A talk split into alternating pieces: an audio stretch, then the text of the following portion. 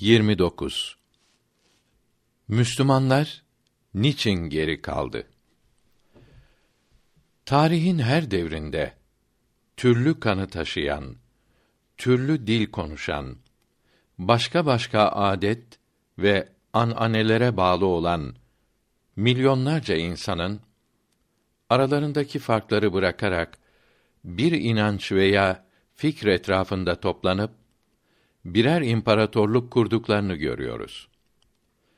Böyle kurulan imparatorluk veya devletlerin en büyüğüne, en güzeline orta çağda rastlıyoruz. Hiç bozulmamış, değiştirilmemiş biricik din olan İslam dininin güzel ahlakıyla bezenmiş, birbirlerini seven, yardımlaşan, çeşitli ırklardan büyük insan topluluklarının birleştiklerini görüyoruz. Bu topluluğu ayakta tutan temel Hak Teâlâ'nın emrettiği çalışkanlık, adalet, iyilik, saygı gibi din esaslarıydı. Osmanlı Türklerini Sakarya kenarından kısa bir zamanda Viyana kapılarına götüren kuvvet Sultan Osman'ın ve çocuklarının sımsıkı sarıldıkları İslam dininin ruhu ve bedeni tekamül ettiren ışıklı yolu idi.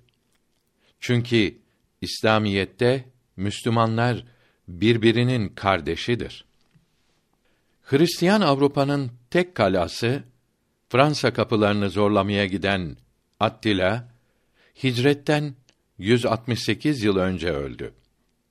İdaresindeki Turan Hunları herhangi bir hak dine mensup olsalardı ve oralara bu hak dinin ahlakını, ruhunu götürmüş olsalardı, Hazret Ömer'in radıyallahu an ordusundaki adalete, şefkate hayran olup seve seve Müslüman olan Şam Hristiyanları gibi papazların baskısından, kralların işkencesinden usanmış olan Batı Hristiyanları da onlara ağuşlarını açmaz mıydı?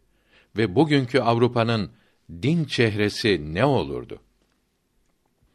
Emeviler İslam dinini İspanya'dan Avrupa'ya soktu. Fas, Kurtuba ve Gırnata üniversitelerini kurup batıya ilm ve fen ışıklarını saldı. Hristiyanlık alemini uyandırıp bugünkü müsbet ilerlemenin temelini koydu. Dünya yüzündeki ilk üniversitenin Fas'ın Fes şehrinde bulunan Kureviyin Üniversitesi olduğu bütün ansiklopedilerde yazılıdır. Bu üniversite 244 miladi 859 yılında kurulmuştur. Kamusül Alam'da diyor ki Endülüs Sultanı 3. Abdurrahman rahmetullahi teala aleyh memleketini genişletti, kuvvetlendirdi. Fas'ta hükümet süren İdrisileri Fatımilere karşı destekledi. Bunları hükmü altına aldı. Mükemmel donanma da yaptı. Kendisi ve adamları ilim ve edep sahibiydiler. Alimlere ve ilme çok kıymet verirdi. Bunun için Endülüs'te ilm ve fen çok ilerledi.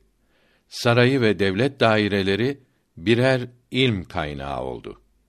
Her memleketten ilm öğrenmek için Kurtuba'ya akın akın toplandılar. Kurtuba'da büyük ve mükemmel bir tıp fakültesi kurdu. Avrupa'da ilk yapılan tıp fakültesi budur. Avrupa kralları ve devlet adamları tedavi için Kurtuba'ya gelir, gördükleri medeniyete, güzel ahlaka, misafirperverliğe hayran kalırlardı. 600 bin kitap bulunan bir kütüphane de yaptırdı. Kurtuba'dan üç saatlik mesafedeki Vadi Kebir kenarında Ez-Zehra isminde pek büyük ve ince sanatlarla dolu bir saray ile mükemmel bahçeler ve büyük bir cami yaptırdı. Kurtuba'da çok sayıda derin alimler yetişti. Endülüs'teki Beni Ümeyye halifelerinin sekizincisi olan Abdurrahman-ı Salis 50 sene adalet ile hüküm sürüp 350 miladi 961 senesinde 72 yaşında vefat etti. Fakat sonra İslam ahlakını Allahü Teala'nın emirlerini bıraktıklarından hatta ehli sünnet itikadını bozarak İslamiyeti içerden yıkmak alçaklığı başladığından Pirene dağlarını aşamadılar. 423 miladi 1031'de Ümeyye devleti çöktü. Bunlardan sonra Endülüs'e önce Mülessimin veya Mürabitin denilen devlet, bundan sonra da Muvahhidin devlete hakim oldu. Fakat İspanyollar 897 miladi 1492'de Gırnata şehrini de alıp Müslümanları öldürdüler.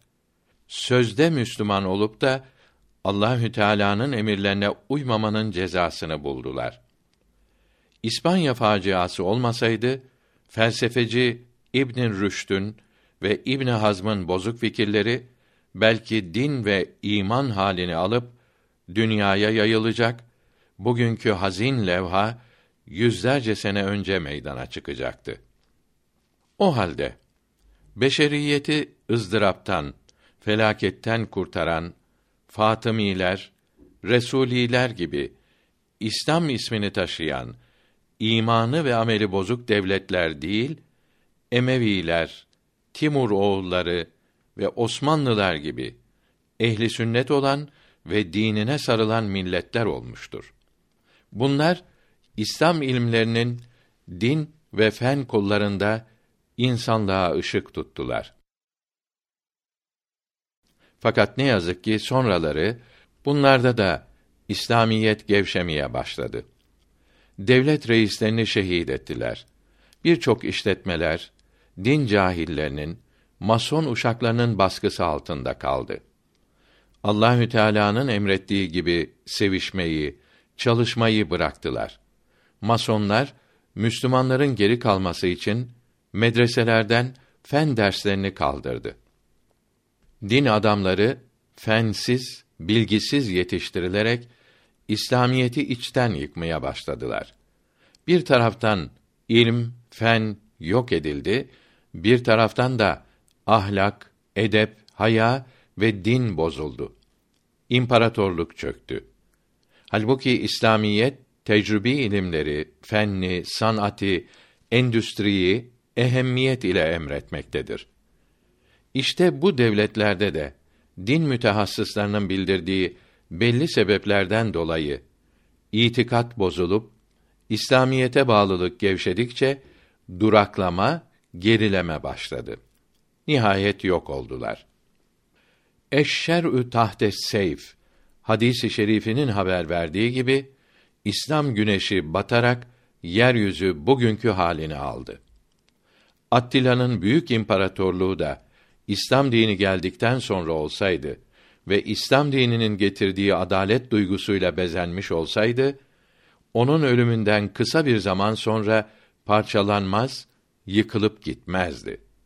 Büyük Selçuklu hükümdarı Muhammed Alp Arslan'ın rahmetullahi teala aleyh 463 Hicri ve 1071 miladi yılında Malazgirt'te Rum İmparatoru Diyojen idaresindeki 200 binden ziyade orduya karşı 40 bin kahraman ile kazandığı zaferden sonra Anadolu'ya gelip yerleşen ve Batı Türkleri diye anılan biz Oğuz Türklerini Hristiyan Avrupalılar çok kere haçlı ruhi ile birleşerek Anadolu'dan çıkarmak için saldırdıkları halde 20. asırda 14. Hicri asırda büyük bir Müslüman Türk milleti halinde ayakta tutan, yaşatan en büyük kuvvetin milletin kalbinde bulunan sağlam imanı olduğunda kimin şüphesi vardır? 11. asır Hicri 5. asır içinde Türklerin üç büyük dalga halinde üç istikamette yayılma hareketini biliyoruz. Birincisi Gaznevi hükümdarları emrinde Kalaç ve diğer Türk boylarının Hindistan'a olan yayılmalarıdır ki buralara İslam dinini ve medeniyetini de götürdüler. Bugün Hindistan'da 100 milyonu aşan bir Müslüman topluluğunun bulunması bu yayılma hareketinin bir neticesidir. Osmanlı donanması 940 miladi 1533'te Hindistan'a gitti. Beş sene sonra Cidde'ye avdet etti. İkincisi, Oğuz Türklerinin İran'dan geçerek Malazgirt zaferinden sonra Bizans elinde bulunan Anadolu'yu fethidir. Oğuzlar da İslam diniyle müşerref olarak gelmiş idi. Bugün aradan asırlar geçtiği halde ancak Müslüman olarak kalışları sayesinde yine Anadolu'da oturuyor ve dünya siyasetine karışıyor. Üçüncü yayılma hareketi Karadeniz'in şimalinden Balkanlara doğru oldu. İçlerinde bir kısım Oğuzlar da bulunan Peçenek ve Koman Türkleri Balkan Yarımadası'na yerleşti. Ne yazık ki bunlar İslam diniyle şereflenmeyerek gelmişti. Etraflarını saran Hristiyan devletlerin tazyikiyle kısa zamanda kendiliklerini unuttular. Ananelerini kaybettiler. Eridiler, yok oldular. Hindistan'da, Anadolu'da ve başka yerlerde bugün yaşamakta olan soydaşları gibi olamadılar. Bunlar niçin yaşayamadı? Bunlardan kim ve ne kaldı? Bu niçin böyle oldu? Görülüyor ki Türk devletlerini ve milletlerini ayakta tutan, yaşatan büyük ve başlıca kuvvet imandır ve İslam dininde çok kuvvetli bulunan adalet, iyilik ve doğruluk ve fedakarlık kudretidir. Batının inanç, örf ve adet, moda ve ahlaksızlıklarını taklit etmek medeniyet değildir. Müslüman milletin bünyesinde tahribat yapmaktır. Osmanlı Devleti'nde Rus sefiri olarak uzun seneler çalışan Ignatiev hatıralarında Sultan II. Mahmud Han zamanında Fener Patrikhanesi'nin kapısında asılan 1237 miladi 1821 Rum isyanının baş planlayıcısı Patrik Gregorius'un Rusçarı Aleksandra yazdığı mektubu açıklamaktadır. Mektup ibret vericidir. Türkleri maddeten ezmek ve yıkmak gayrimümkündür. Çünkü Türkler Müslüman oldukları için çok sabırlı ve mukavemetli insanlardır. Gayet mağrurdurlar ve izzeti iman sahibidirler.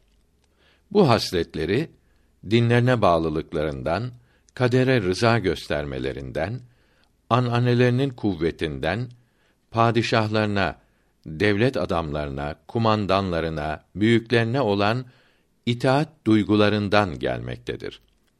Türkler zekidirler ve kendilerini müsbet yolda sevku idare edecek reislere sahip oldukları müddetçe de çalışkandırlar.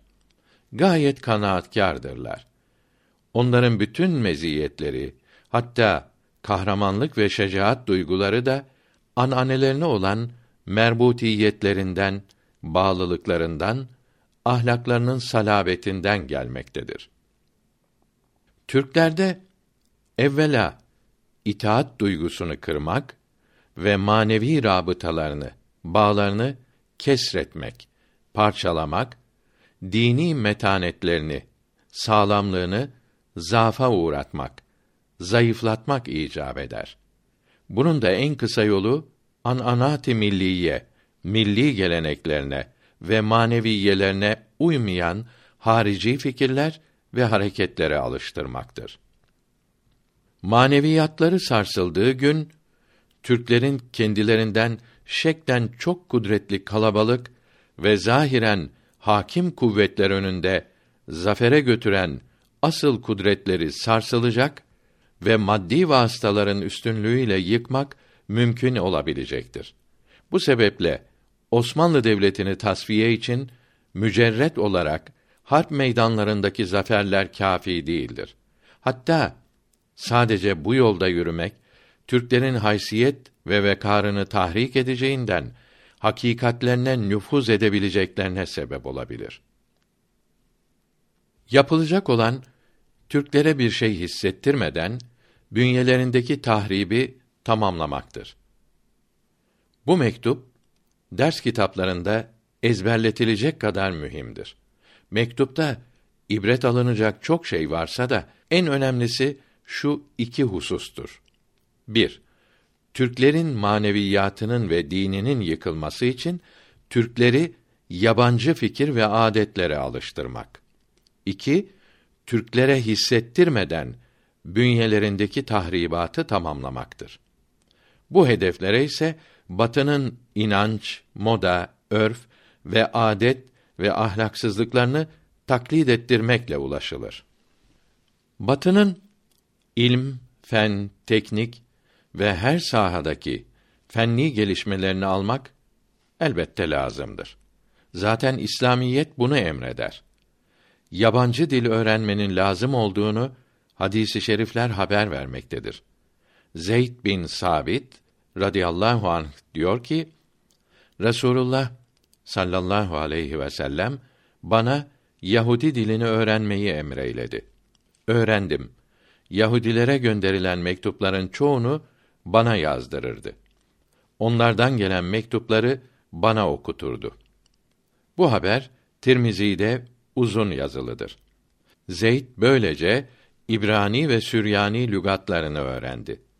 Büyük İslam alimi Seyyid Abdülhakim Efendi mükemmel Arabi, Farisi konuştuğu halde yabancı dil bilseydim bütün dünyaya faydalı olurdum derdi. Avrupa dillerini bilmediği için esef eder, çok üzülürdü. İslam dininin üstünlüklerini, rahat ve huzur kaynağı olduğunu ve medeniyete, fende ve ahlakta ilerlemeye ışık tuttuğunu dünyaya bildirmek için kısacası İslamiyete ve bütün insanlara hizmet için yabancı dil öğrenmek muhakkak lazımdır derdi. Bütün dinleri iyi incelemiş olan İngiliz ilim adamlarından Lord Devonport 20. asır başlarında Londra'da bastırdığı Hazreti Muhammed ve Kur'an-ı Kerim adındaki İngilizce kitabında diyor ki: Ahlak üzerinde son derece titizliğidir ki Müslümanlığın az zamanda süratle yayılmasına sebep olmuştur. Müslümanlar muharebede kılınca boyun eğmiş olan başka din adamlarını daima aff ile karşılamışlardır. Juryo diyor ki, Müslümanların Hristiyanlara karşı davranışı ile papalığın ve kralların müminlere reva gördüğü muamele asla kıyas edilemez. Mesela 980 Hicri ve 1572 miladi yılı Ağustos'un 24. günü yani Sen Bartelemi yortu günü 9. Charles ve kraliçe Katerina'nın emriyle Paris ve civarında 60 bin protestan öldürüldü.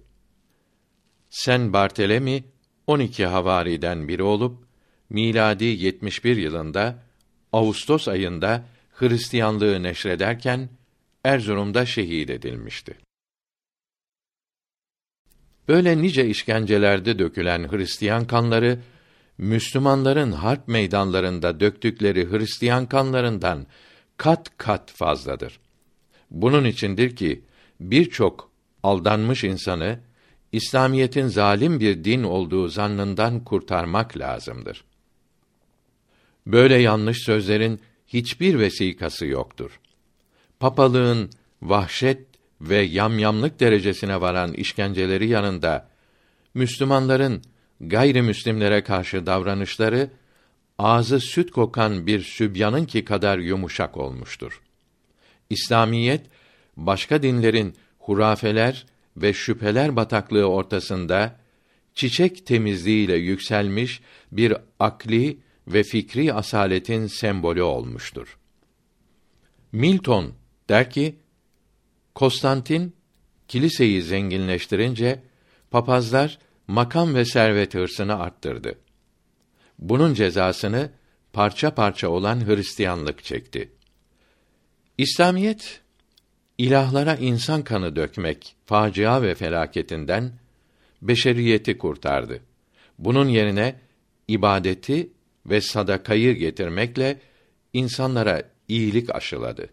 Sosyal adaletin temelini kurdu. Böylece kanlı silahlara hacet bırakmadan dünyaya kolayca yayıldı. İlim davasına Müslümanlar kadar bağlı ve saygılı hiçbir millet gelmemiştir denilebilir.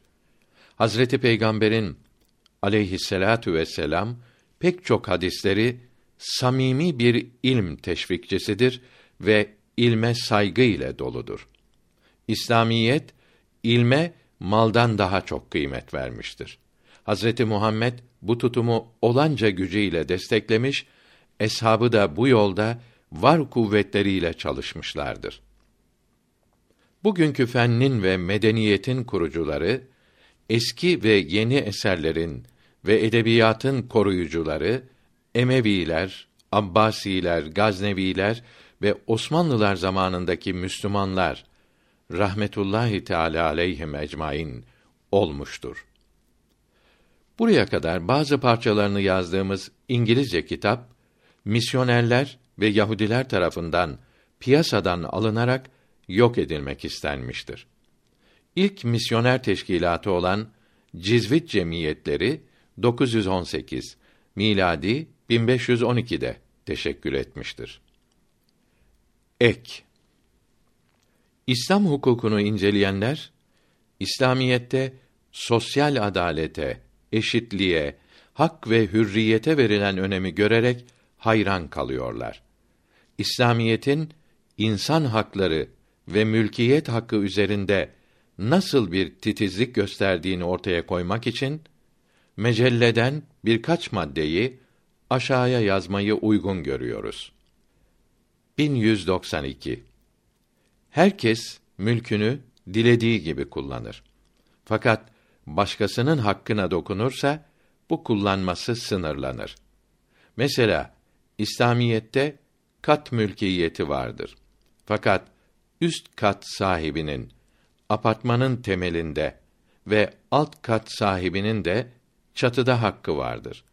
Birisi ötekinin izni olmadıkça kendi katını yıkamaz. 1194 Bir arsaya sahip olan üstündeki boşluğa ve toprağın içine de malik olur. İstediği kadar yüksek bina ve derin kuyu yapabilir. 1196 Bir kimsenin bahçesindeki ağacın dalları komşusunun hanesi veya bahçesi üzerine uzanmış olsa o dalları bağlayarak geri çektirmeye veya kestirmeye komşusunun hakkı vardır. Fakat ağacın gölgesi komşusunun bahçesindeki sebzelere zarar veriyor diyerek kestiremez. Atıf Bey 1330 miladi 1912 baskılı şerhinde bu maddeyi şerh ederken diyor ki komşusu ağacın sahibine veya hakime müracaat ederek geri çektirir veya kestirir. Komşusu bunlara müracaat etmeyerek bahçesine uzanmış olanları kendi de kesebilir. Bahçesine uzanmamış mahalden kesip zarara sebep olursa zararı ağaç sahibine tazmin eder, öder. Bağlayarak çektirmesi mümkün olan dalları müracaat etmeden keserse yine zararı tazmin eder. Ağaç sahibine müracaat edip de dallarını çekmediği takdirde bahçe sahibi kesebileceği gibi kestirme masrafını da ağaç sahibinden isteyebilir. 1200. Bir evin kanalizasyonundan komşunun evine sızarak zarar verirse tamir etmesi lazım olur. 1212. Komşunun su kuyusuna yakın lağım yaparak kuyu kirlenirse, tamiri mümkün olmazsa lağım oradan kaldırılır. 1216. Hükümetin emriyle birinin evi satın alınıp yol yapılabilir. Fakat parası verilmedikçe evi alınamaz. 1248. Mülk sahibi olmak üç yol iledir. Mal birinin mülkü iken bey ve hibe ve sadaka ve ödünç vermek gibi bir akt yani sözleşme ile alanın mülkü olur. Miras ile akt olmaksızın mülke girer. Sahibi olmayan, herkese mübah olan bir şey ele geçirmekle mülk olur. 1254. Mübah olan otları, ağaçları, suları herkes kullanabilir. Kimse yasak edemez. Başkasına zarar verirse yasak olunur. 1288. Bir kimsenin dükkanı yanına başkası dükkan açarak birincinin işi bozulsa ikinci dükkan kapattırılamaz. 1297. Av tutanındır. Bir kimse bir avı vurup düşürdükten sonra av kalkıp kaçarken başkası yakalarsa av yakalayanın olur. 1308. Ortak mülkün tamiri hisselere göre ortaklaşa yapılır. Hisse sahiplerinden biri yok ise ve tamir edecek olan kimse hakimden izin alırsa masraftan ötekine düşen payı ondan isteyebilir. 1312. Bölünebilen bir mülkün tamiri için ortak zorlanamaz. Tamirini istemezse mülkün bölünmesi için zorlanır. 1321. Nehirlerin, göllerin, barajların tamirini Beytül Mal yani devlet yapar. Devletin parası yetişmezse istifade edenlerden toplanır. 950. Başkasına satılmış olan bir mülkü satış değeriyle satın almak hakkına şüf'a denir. Bu hakka malik olan kimseye şefi denir. 1008. Şefi üç kimse olabilir. Birincisi satılacak mülkte ortak olandır. İkincisi satılacak mülkte kullanma hakkı olan kimsedir. Üçüncüsü satılacak mülke bitişik mülkün sahibidir. Apartman katlarının sahipleri birbirlerine bitişik komşu demektir. Bir kimse mülkü olan binayı satınca bir şefi bunu işittiği zaman şefi olduğunu hemen söylemesi, sonra iki şahit yanında alıcıya ve satıcıya şuf'a hakkını bildirmesi ve bir ay içinde mahkemeye başvurması lazımdır. Böyle yapınca önce birinci şefii satın alır. Başkasına satılamaz. Eğer birinci şefii yoksa veya satın almak istemezse ikinci satın alır. İkinci şefii de yoksa üçüncü şefiya satması lazımdır. Bu da satın almak istemezse ilk satılmış olan da kalır. 1017. Nakledilebilen şeylerin ve vakf ve miri toprak üzerindeki mülklerin satılmasında şüfa olmak yoktur. Fetavai Hayriye'de diyor ki, iki odalı bir evin üstü teras katıdır. Sahibi bir odayı satmış, sonra ölmüştür. Varisler ikinci odayı başkasına satmışlardır. Teras iki kişi arasında yarı yarıya ortak olur. Biri ötekinden izinsiz buraya oda yapamaz. Bir evin on odası birinin, bir odası da başkasının olsa, teras veya bahçe yarı yarıya ortak olur. Aynı kitapta diyor ki, bir binanın iki katından her birinin sahibi başkadır. Alt kat yıkılsa, bunun sahibi tamir için zorlanamaz. Üst katın sahibi isterse aşağı katı tamir eder. Mahkeme kararı ile tamir ettiyse yaptığı masrafı almadıkça kendiliğinden yaptığı ise yapılanın kıymetini almadıkça aşağının sahibi evine sokulmaz. Üst kat sahibi aşağı kata zararlı olmadıkça üstüne kat yapabilir. Hadikada el afetlerinde diyor ki başkasının malını ondan izinsiz zorla almaya gasp etmek denir. Gasp haram olduğu gibi gasp edilen malı kullanmak da haramdır. Başkasının malını izinsiz alıp kullanıp sonra geri vermek malda ayıp ve kusur hasıl olmasa bile haram olur. Kendisine vediya olarak emanet bırakılan veya gasp ettiği malı, parayı ticarette veya başka yerde kullanıp da bundan kazanç sağlamak caiz değildir. Kazandığı şey haram olur. Bunu fakire sadaka vermesi lazım olur. Birinin malını, parasını şaka olarak da alıp saklamak haramdır. Çünkü böylece başkasını üzmüş oluyor. Başkasına eziyet vermek haramdır.